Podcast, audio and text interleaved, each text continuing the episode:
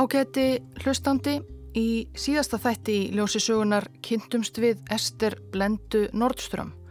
Hún var fætt í Svíþjóð 1891 inn í nýríka fjölskyldu en ung skar hún sig úr með lítinn áhuga á því að verða fín fröken í Stokkólmi og giftast fínum herra.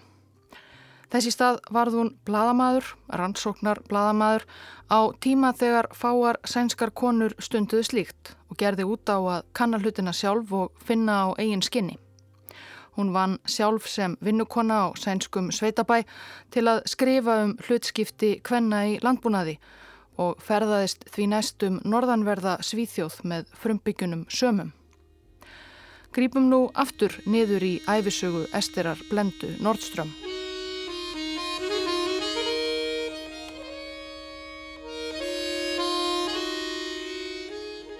Á meðan Ester var á flakki með sömum í norðri geisaði heimstyrjöld í stórum hluta Evrópu. Svíþjóð var formlega séð hlutlaus í styrjöldinni en margir svíjar höfðu samúð með málstað þjóðverja á miðveldana. Svíjar stunduðu á stríðsárunum verslun bæði við bandamenn og miðveldin. En bandamenn, sérstaklega brettar og bandaríkjaman voru ekki sérlega sáttir við að svíjar heldu áfram útflutningi til Þýskalands, ekki síst á járni úr námum svíja á samaslóðum í norðri. Refsjaðgerðir sem bandamenn beittu svíja vegna þessa fóru að býta þegar leið á stríðið. Það á samt lélegri uppskeru sænskra bænda sumarið 1916 gerði það verkum að bera fóra á matarskorti í Svíþjóð þegar leið á veturinn 1916-17 og skamta varð helstu nöðsynjavörur. En ef ástandið var ekki gott í Svíþjóð var það þó ekkert á við það sem átti sér um leiðstað handan landamærarna austur í Finnlandi.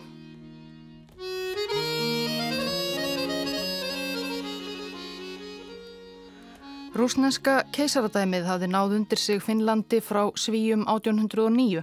Eftir rúsnesku byltinguna haustið 1917 hafði Finnland líst sig sjálfstætt en það var ekki einhugur meðal finna um framtíðar stjórnskipan.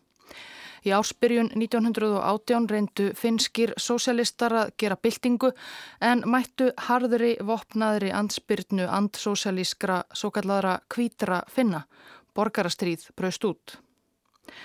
Markið svíjar fylgdust vel með því sem átti sér stað í Granlandinu. Jável áður en stríð bættist við var matarskorturinn í Finnlandi enn meiri enn í Svíþjóð og ekkert útlitt fyrir að það batnaði í bráð. Í Svíþjóð settu vel unnarar Finnlands á stopn nefnd hinnu hungraða Finnlandi til hjálpar eins og það var orðað. Nemndin þurfti svo einhvern til þess að fara á vettvang mitt í ólgu stríðsins og kanna aðstæður. Ástandið þótti verst í norður hluta landsins, finska Laplandi, þar sem fólk var bókstaflega að svelta í hel. En nákvæmlega hvað þurfti? Þessi útsendari þyrfti að vera hugdjarfur, tala finsku og vera vanur ferðalögum svo langt í norðri. Jú, vitaskuld var Ester Blenda Nordström réttur kandidat. Hann vantaði líka eitthvað að gera, var hætta á dagblöðunum og hún var alltaf reyðubúinn að steipa sér í nýtt æfintýri.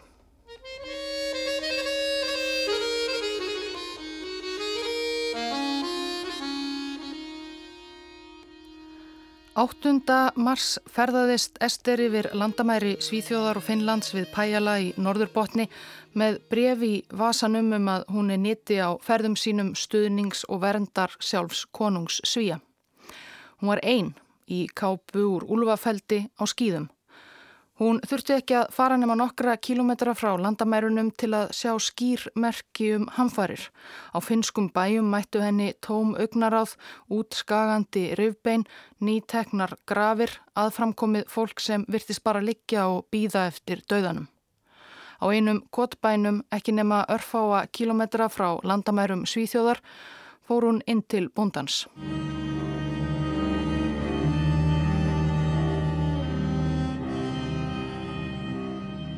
Bóndin sótti skál af dökku blóði sem lyktaði ekkert sérlega vel. Hann benti á sekk af hegi, þetta tvent var í brauðinu sem þau höfðuð að geta. Hálmur blandað við hestablóð. Hesturinn hafði drepist úr hungri. Fóðrið var búið, Kýrnar mjölkuð ekki einn einasta drópa lengur og mjölkurbrúsanir á gólfinu, þeir voru óþarfir. Kortnið var löngu búið, hvert einasta korn útsæðið líka. Strax að kvöldi fyrsta dagsins var hún samfærð. Neiðin var gríðarleg í Finnlandi. Símskeiti til Svíþjóðar. Brítnar hjálpar þörf, börn deyja úr hungri. Hvenar? Neiðin er æbandi. Dæin eftir sendi hún svo grein til gamla vinnuveitandans svenska dagblæðið. Getur við ekki hjálpað eitthvað? Eru ekki manneskjur meðalokkar sem geta frjálsum vilja neyta sér um eitthvað af því sem þær eiga? Kanski af fornfísi, kannski með einhverjum semingi? Gefið af frjálsum vilja, gefið eins lítið og þið viljið, gefið strax. Gefið allt sem þið getið, skömmtunarmiða, peninga, hvað sem er hægt að fá fyrir matvæli. Það er engan tíma að missa. Hugsaðum börnin, vil ég ekki hjálpa þeim? Æ, flítið ykkur. Lesendur Sænska dagblaðsins letu ekki stjórnublaðamannin segja sér það tvísvar og framlögum til sveltandi finna ringdi inn. Sænsk stjórnvöld voru öllu tregari til aðgerða en eftir nokkura daga stapp tókst estir og vel unnurunum í Finnlands nefndinni að fá þúsund kíló af fersku kjöti sendt til finska Lapplands. Sóknar presturinn á svæðinu veitti kjötinu hræður viðtöku og þakkaði Ester sérstaklega fyrir grettistakið. Þetta var undir lok mars 1918. 31. mars átti Ester afmæli, hún varð 27 ára. En af skrifum hennar frá þessum tíma að dæma held hún ekki sérlega upp á tímamótin en þá ferð og flugi um hið hungraða Finnland. Nokkrum dögum síðar kom önnur sending, 6 tonn af kortni og grænmeti. Í raun og veru bara drópi í haf hins hrikalega ástands í Finnlandi en auðvitað tekið fagnandi. 15. mæ 1918 lauk finsku borgarstyrjöldinni með sigri kvítra finna og stuðningsmanna þeirra þjóðverja. Á rétt rúmum þremur mánuðum höfðu næri 40.000 landsmenn látið lífið af völdum átakana. Ester helt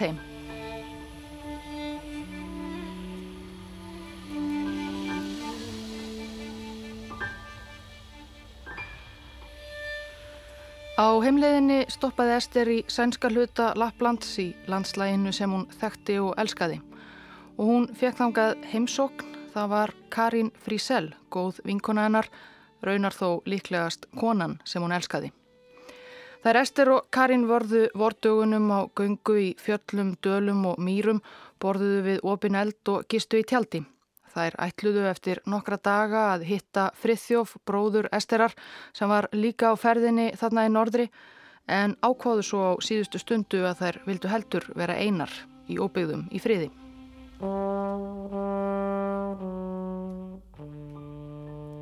Engu tíman þó verður maður að snúa aftur til samfélagsins. Ester hafði eftir að hún hætti á dagblæðinu alið með sér þann draumum að verða bóndi, sinn eigin herra. Hún var jú sveitastelpa einst inni. Og hún hafði sótt um plás haustið 1918 í Norræna landbúnaðarháskólanum við Jönköping og fengið eina konan með 112 drengjum og korlum. Það höfðu varla nokkrar konur verið í skólanum áður. Í brefi af heimavistinni til Frithjófs bróður síns skrifaði Ester að reglurnar í skólanum bönnuðu áfengisneslu, spilamennsku og öll ósýðlegheit með kvennfólki. En það stendur ekkert um ósýðlegheit með karlmönnum, skrifaði Ester svo kankvís, svo þið þurfið enn að hafa áhyggjur á mér. Tja, líklegast þurftu Frithjóf og fjölskyldan í raun litlar áhyggjur að hafa. Engar heimildir eru um að hugur esterar hafi oft stemt til ósýrlegheita með kartmönnum þó þurfti hún að berja þá frá sér og það var henni ekki alltaf auðvelt. Þegar hún var að búa sig til brottfarar frá Lapplandi eftir flakkið með sömunum 1915 hafði vinur hennar og gestgjafi í Kýruna náma konungurinn Hjálmar Lundbóm beðið um hönd hennar. Hann var 35 árum eldri en hún en greinilega gjörsamlega hugfanginn af þessari ævintýragjörnu ungu vinkonu. Og þau voru vissulega nánir vinir ornir og henni þótti sárt að neyta honum. Sískinni hennar kvöttu hana til að taka bónorðinu. Lundbóm var jú með ríkustu mönnum svíþjóðar og það myndi vafalust gera henni gott að giftast, verða ráðsett. En Ester Blenda var alls ekki svo týpa. Hún hafnaði bónorði vinnar síns og þau kvöttust tárvot.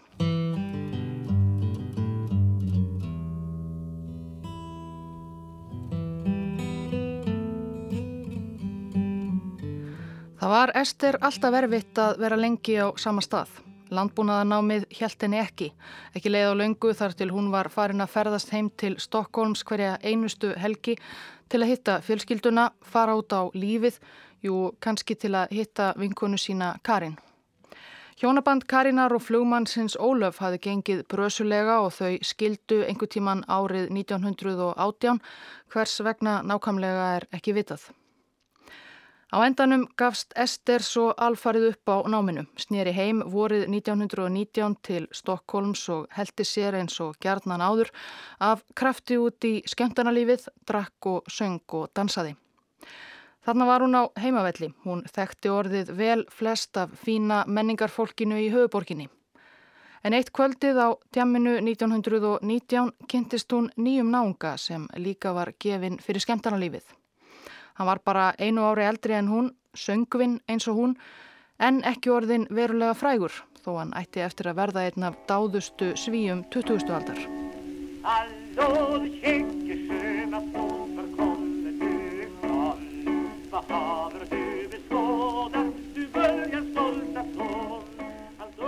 Ungi maðurinn sem Ester hitti á kráni var vísna á þjóðskáldið Evert Taube sem í dag prýðir sænska 50 krónu seðilinn en þetta var all nokkrum árum áður en hann tók sína fyrstu vísu upp á gramafón. Hann var rétt farin að tróða upp á krám.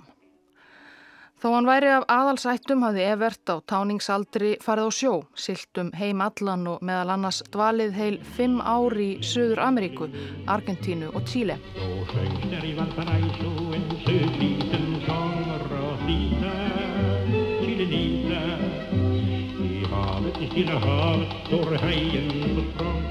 Og ætla má að hann hefði sleið um sig á börum Stokkólms með sögum að sunnan. Allavega leið ekki svo langur tími frá fyrstu kynnum Esterar og Everts og þar til hún var farin að tala fjálglega um það hver mjög hana þyrsti til Suður Ameríku.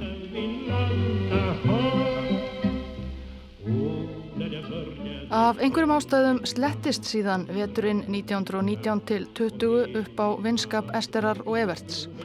Æfisögurittari Esterar Fatima Bremmer veldir fyrir sér hvort Evert hafi eins og fleiri karlar í kringum Ester orðið ástfangin af ævintýra konunni á móturhjólinu en verið hafnað. Ekkert vitum við með vissu um það en í lok janúar 1920 vitum við allavega lagði Ester af staðum borði í skipinu MS Balboa frá Kristjaníu, það er Oslo og ferðinni var heitið allaleið til Argentínu.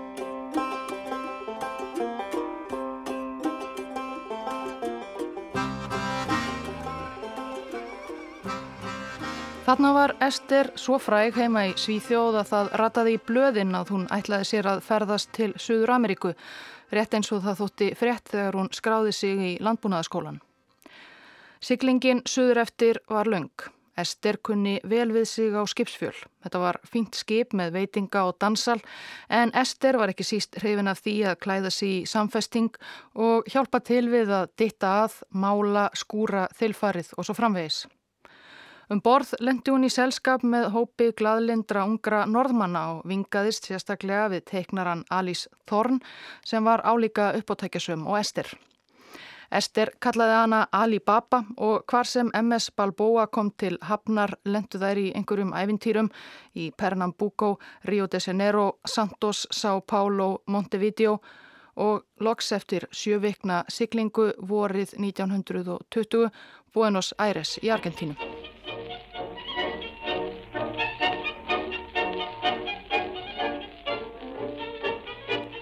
Þar varði Ester nokkrum dögum í dýrðilegum stöðugum fagnaði með frændfólki Alice Thorn, Alibaba, norsku yfirstjættafólki sem bjó vel á fladlendinu söður af Buenos Aires. En að djamma var ekki tilgangurinn með ferðinni allarleið á söður kveljarðar.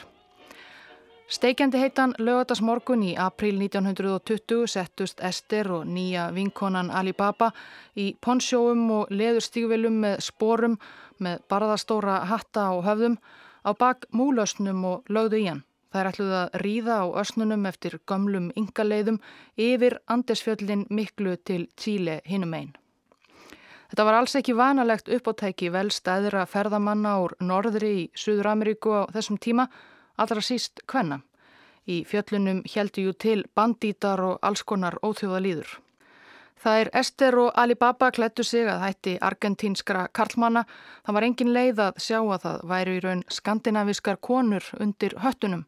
En engu að síður þótti þetta fegðar flans og fyrir tilstilli argentínskra yfirvalda riðu þar af staði fyllt fjögura laurglumanna sem voru vopnaðir bissum og sveðjum.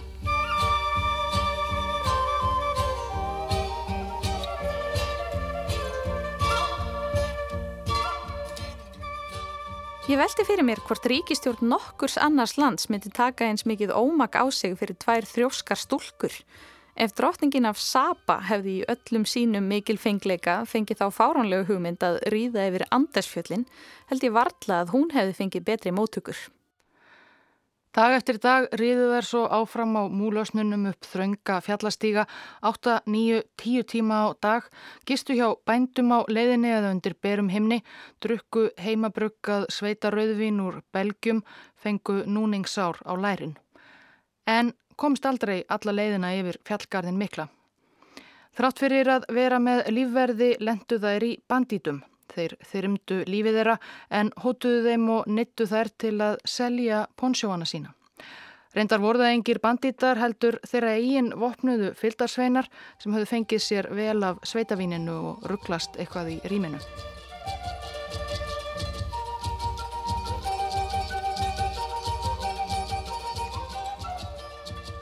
Þegar Ester fekk svo matareitrun í ofanálag ákváðu ungu konurnar að fara sömuleið til baka heim án þess að hafa nokkur tíman séð Tíle. Næstu vikur dvöldu þær aftur í góðu yfirlæti á sveitasetri Norðmannana frænt fólks Alibaba utan við Buenos Aires. Miðsumars 1920 sildi Ester Blenda Nordström svo aftur heim til Svíþjóðar. Af þeim brefum sem hún sjálf varðvetti frá þessum tíma að dæma verðist hún hafa hrifið marga á ferðalæginu. Einn norðmannana var greinilega hrifin af henni, skipstjórin á MS Balboa skrifaði henni hugssjúkur og tveir aðrir kalkins farþegar sömu leiðis. Hverju Ester svaraði umleitunum þeirra vitum við ekki en í veskinu sínu alla hálsárs langa reysuna suður eftir var hún með litla mynd vangamind af vinkonu sinni heima henni Karin.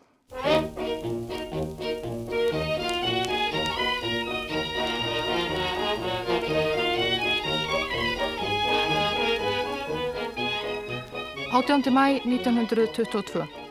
Í mannskaranum sem tróð sér um borði farþegarskipið SS Ólaf Helga við höfnina í Kaupmannahöfn var alls konar fólk við að og meðal farþega á þriðja farimi Einn nýlega 31 ás sænsk kona með stuttklift hárið Ester Blenda Nordström.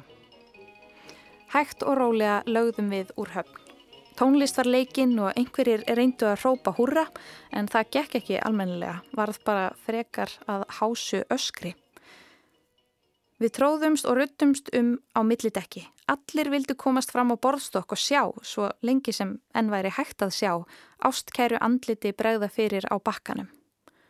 Og allir veifuðu, sumir þerruðu tárin með höndunum til að geta vinkað með vasaklútnum, aðrir snýttu sér í fingurna af sömu ástæðu, aðrir stóðu bara kyrrir án þess að á andliti þeirra ræðist nokkur tilfinning. Í upphafi feril sín sem bladamadur hafði Ester okkar leitað svara við spurningunni um hvers vegna ungar sænskar sveitastúlkur legðu frekar á sig erfitt og dýrt ferðalagi við Allandsafið til Norður Ameríku út í algjör óvissu en að ráða sig sem vinnukonur á bóndabæi. Hún fann svarið. Vinnukonur strítuðu myrkrana á milli fyrir ömurleg laun, höfðu engin réttindi og svo framvegis. En nú vildi Ester komast að öðru. Hvernig vegnaði þeim löndum hennar sem tóku skrefið og sildu yfir hafið til Ameríku? Í byrjun 20. aldar ákváðu mörg hundruð þúsund svíjar að yfirgefa fósturjörðina og halda á vitt nýra tækifæra í bandaríkjum Norður Ameríku. Eftir að Ester snýri aftur frá Suður-Ameríku síð sumars 1920 hafði hún fengist við ímiskonar reittstörf en vorið 22 hafði hún fengið veglega fyrirgreðslu frá sænsku forlegi fyrir bókum Veröld Svíja Vestanhafs. Hún tók þó þá peninga ekki með sér í ferðina því Ester ætlaði sér að finna það á eigin skinni hvernig væri að vera ung sænsk kona allslaus á stöppuðu þriðja farimi á leiði við hafið. Hún hafði ekki með sér nema rétt svo um 50 dollara til að meiga stíga á land þar vestra.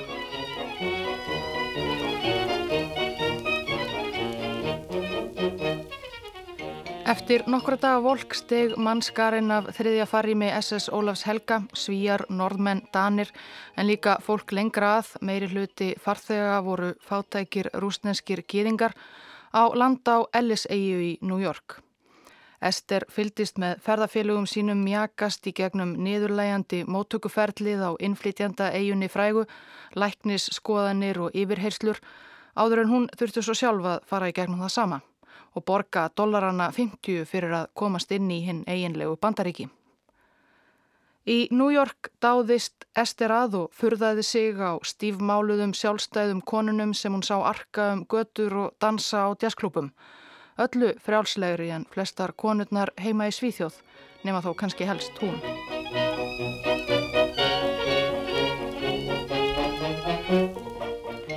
Frá stórborginni ferðaðist Ester um slóðir Svíja Vestanhafs, Chicago, Minneapolis. Þar var hún rænt þeim litlu fjármunum sem hún átti eftir, svo hún átti ekki fyrir símskeiti heim til Svíþjóðar að byggja ættingja eða vinnuveitenda um meira fjö. Hún réð sig þá í vinnu við að týna kirsuber og hjálpaði svo til á bóndabæ sænskra hjóna í Minnesota. Nýtti sér það sem hún hafi lært í æsku og bæ Nordström fjölskyldunar í smálöndunum og sem vinnukona. Það var eins og hún legði sig fram um að taka áhættu, stundum fáránlega, eins og þegar hún húkaði sér far með fluttningalest vestur eftir með því að bókstaflega hanga undir einum vagninum. Þar munaði mjóu að metsölu höfundurinn týndi lífi en hún virtist alltaf komast af.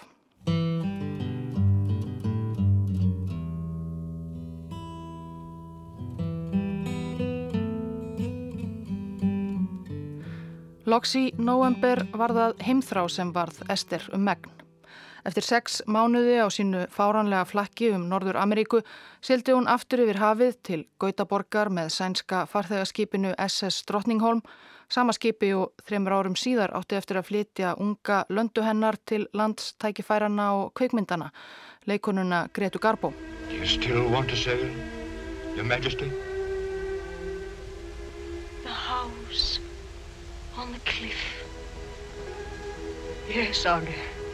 We will sail. Heima tóku kunnuleg stef við. Ester fór til fjalla í langt skíðaferðarlaga með Karin, bara þær tvær. Svo var það skemmtarnalífið í Stokkólmi sem heitlaði eins og það hafði alltaf. Þarna voru nánustu ættingar Esterar farnir að hafa áhyggjur af djammi hennar og drikju þegar hún var í bænum. Svo miklar að þau höfðu samband við lækni og reyndu líka að tala hana eitthvað til en Ester virðist ekki hafa lagt við hlustir. Hún hafði um nóg annað að hugsa. Haustið 1923 kom ferðabókin hennar Amerikanst út og sló strax í gegn. Og ekki nóg með það, hún var sjálf komin á kvítatjaldið, svona næstum.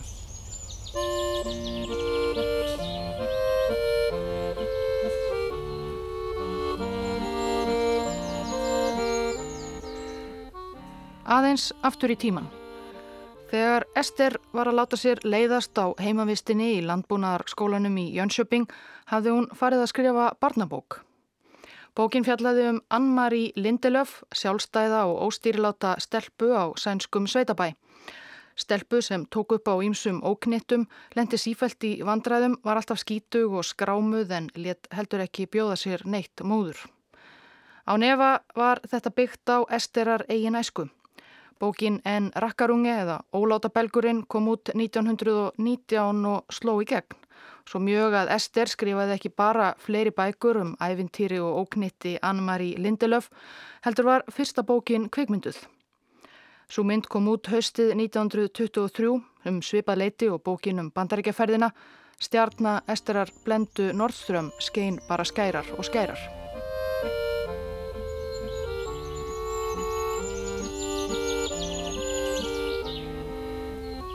Við höfum heyrt að það verðist ekki hafa þurft mikið til að fólk gerði ástfangið eða hugfangið af Ester Blendu.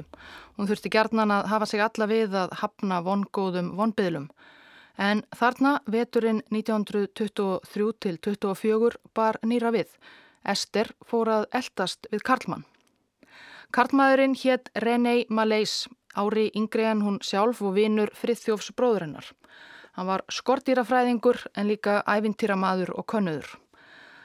1920 hafði hann lagt af stað í langan rannsóknarleiðangur að kanna náttúru og dýralíf eldfjalla skagans mikla Kamtjatka norðaustast í Rúslandi.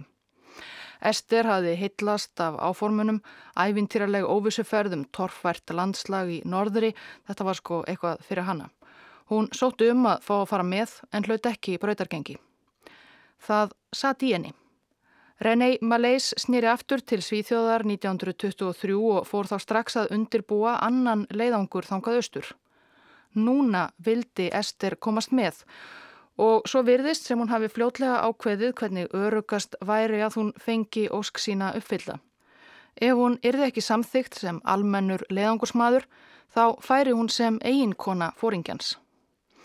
Veturinn 23 til 24 vörðu Ester og René Malay sífælt meiri tíma saman. Það var að hennar frumkvæði og það bar árangur.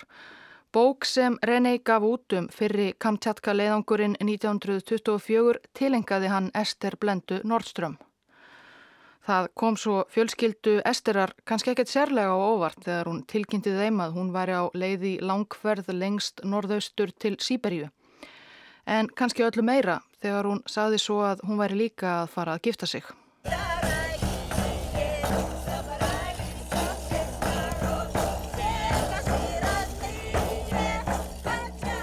Var Ester yfir sig ástfanginn af skortýrafræðingnum viðförla René Malais? Já, henni lá allavega ekkert á að giftast honum. René og hinn leðangursmaðurinn, þau urðu bara þrjú í þetta sinn, lögðu af stað austur strax í ásbyrjun 1925 en Ester, hafandi tryggt sér plás, var ekkert að flýta sér. Þá um vorið fór hún í langa bílferðum Spán, hún sjálf við stýrið, enga vinkonan Karin Friselli farþegarsætinu. Karin aldrei langt undan. Og eftir að hafa kyrt um Spán þveran heldu þær áfram tvær á ferðarlægi, fóru til New York, San Francisco, Hawaii, Kína, Kóreu og loks Japan. Þar voru þær í fimm mánuði á ferðarlægi um landið Þvers og Kruss. Í brefum sem Ester sendi heim til sískina sinna má ráða að þau hafi verið búin að átta sig á því að þær Karin væru eitthvað meira en bara nánar vinkonur sem voru sífælt eitthvað að ferðast. En svo leið líka að ferða lókum. Karin var á leið heim til Svíþjóðar, Ester á Kamtjatkaskaga og í hjónaband.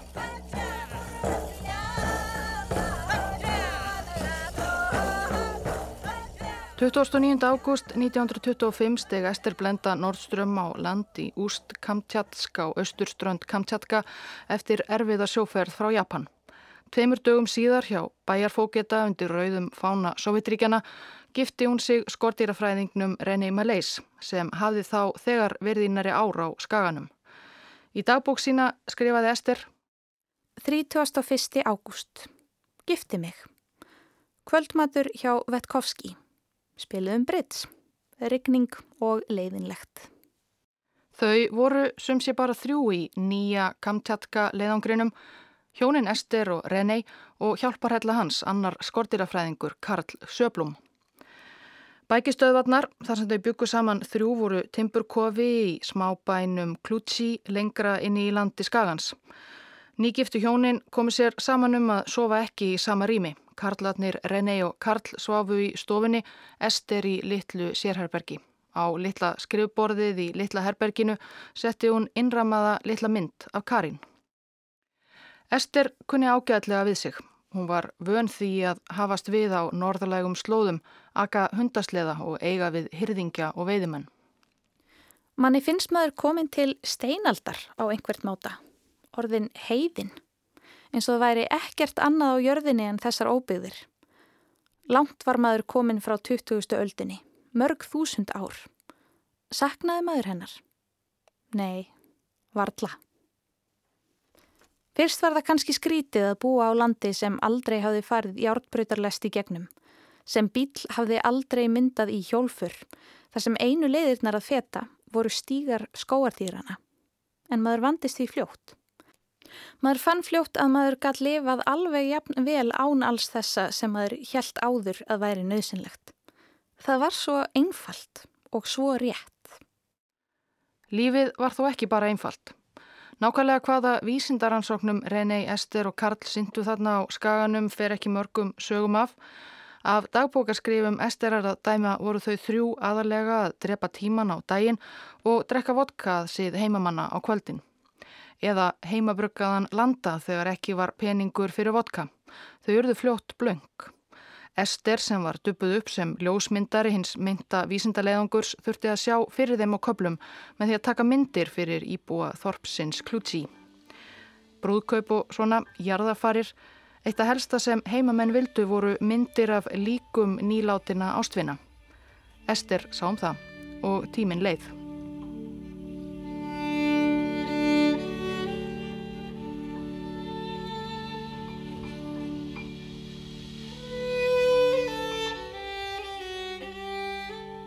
Haustið 1926, eftir heilan vetur og sumar þar eistra, fekk Ester bref með fréttum að heiman.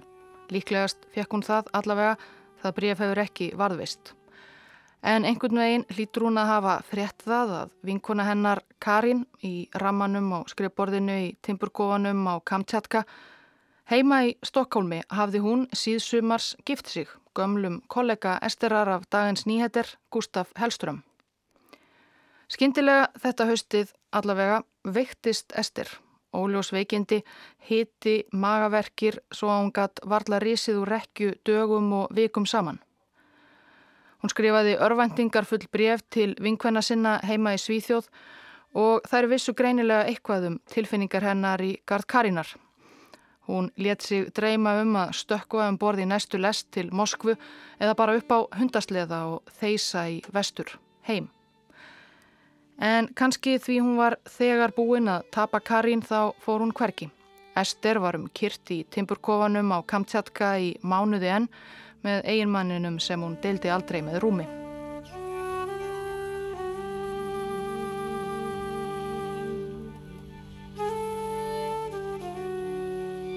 Í júnibyrjun 1927 heldu Ester Nordström og Karl Sjöblum heim til Svíþjóðar. René Malais varð eftir á Kamtjatka skaga í nokkur ár enn. Hann var einlæglega að þér virðist hrifin af einkonu sinni Esteri og þótti sárt að missa hana. Ester hafði dvalið í timburkofanum í Klútsi lengur en hún hafði nokkur staðar annar staðar verið á fullóninsárum. En var sjálf ekki sérlega sár að fara heim. Við komuna til Svíþjóðar var henni hampað sem hetju, greinar hennar um framandi tilveruna í Östri höfðu vakið mikla aðtikli. Hún skrifaði auðvitað bókum æfintýri sín en reittstörfin tóku sinn tíma. Ester virtist alltaf skrifa hægar og hægar. Bærin í skugga eldfjallsins kom ekki út fyrir þremur árum síðar fyrir jólin 1930 og sló þá í gegn eins og öll hennar verk. Í bókinni minnist hún varla á eiginmann sinn en René Malais var þá loksins komin heim eftir mörg ár þar eistra og það fyrsta sem þau hjónin gerðu við heimkomu hans var að skilja. Það kom líklega fáum á óvart, kannski þó helst René.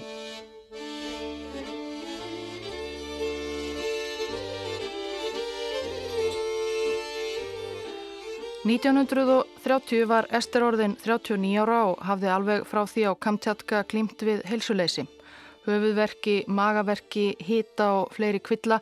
Hún hafði alltaf verið grönn en var orðin skuggalega svo. Hún þurfti að kvíla sig fjarr í glömnum í Stokkólmi.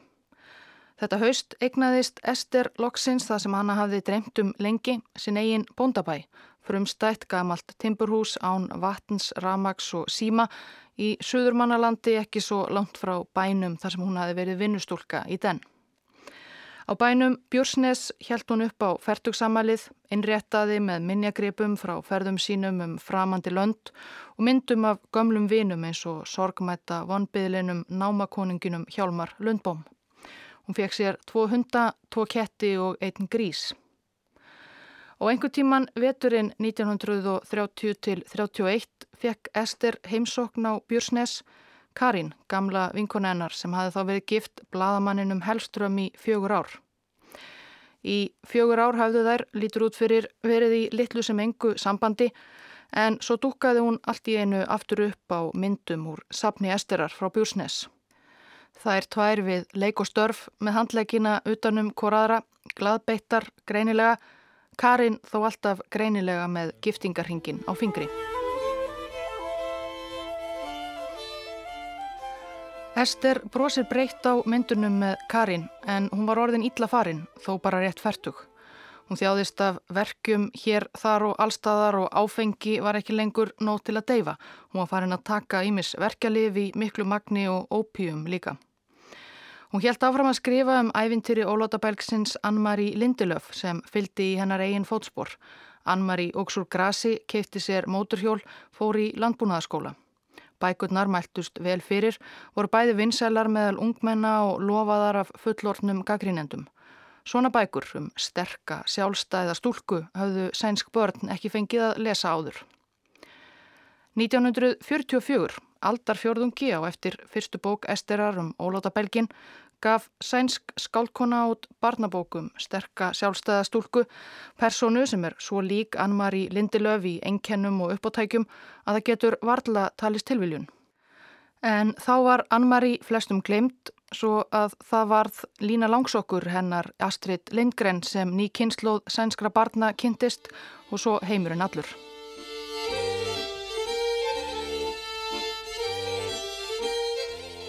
4. janúar 1937 fekk Ester Blenda Nordström 46 ára slag á pallinum á Björsnes og lamaðist á vinstriðlið líkamanns. Ekki leið á laungu þar til vinkunennar Karin var búin að skilja við setni eiginmann sinn og svo gott sem flutt til Björsnes. Sjálfstæða sterka Ester gæti ekki lengur séðum sig sjálf. Í brefi til sískina sinna einskonar hjáttning í formi ljóðs Ég brendi kertið mitt upp frá báðum endum. Brendi það dag og nótt. En ég sé ekki eftir einni sekundu, þó nú lýsi ég niður í gröfina. 1938 kvatti Ester Bjúrsnes, bæin og dýrin og flutti í litla íbúð við Vikingagötu í Vasastan í Stokkólmi með hjálp stopnunar sem hjálpaði þeim að útvega sér húsnæði í höfuborginni sem, eins og það var orðað, höfðu séð betri daga. Karin bjóð þá hjá öldruðum foreldrum sínum ekki langt í burtu en var eiginlega alltaf á vikingagötu. Þann voru alltaf saman bara þær tvær, Ester, Íllafarin og Vengbrotin hafði fyrir löngu mist áhugan á öllum sínum fjölmörgu vinum í borgarlífinu. Af og til fóru þær eitthvert út á land eins og í gamla daga en heimur Esterar fór sífælt mingandi. 1944 setti ríkistjórn Sósialdemokrata loks reglur sem bættu lagalega stöðu þjónustu og vinnukvenna á bóndabæjum og heimilum. Réttum 30 árum eftir að bók eftir unga upprennandi bladakonu vakti fyrst verulega aðtikli almennings á ömurlegri stöðu þessa mikilvæga vinnuhafls. En fræðarsól Esterar var þá löngu sest. 15. oktober 1948 lést Ester Blenda Nordström á Serafím sjúkrahúsinu í Stokkólmi úr lungnabolgu 57 ára gömul. Hún hætti bara að anda eins og mákona hennar lísti því svo undarlega, rólega og stilt. Adjö,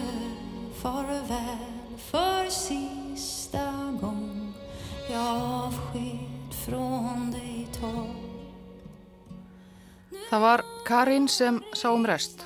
Hún sagði upp samningum við post og síma, tók til í íbúðinni á vikingagötu í síðasta sinn.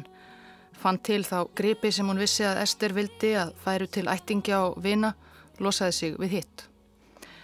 Ester blenda Nordström á sinni óþarflega stuttu æfi skrifaði ókjörin öll af brefum til vina og fjölskyldu, bæði á ferðum sínum og í daglegu lífi heima í Svíþjóð. Engin bref hafa nokkuð tíman fundist milli hennar og Karínar Frísell, hvorki til eða frá, ekki eitt einasta. Hún hefur örglega tekjuðu með sér, Karín, þegar hún tók til heima hjá vinkonu sinni látinni, fjarlægt það sem engin annar mátti sjá, bref og myndir sem líklegast vittnuðu um samband sem þá var enn forbóðið, en þeirra. Ég sé ekki eftir neinu. Það hefur verið gott að lifa lífinu að mestu leiti og það hefur gefið mér miklu meira en það hefur tekið frá mér.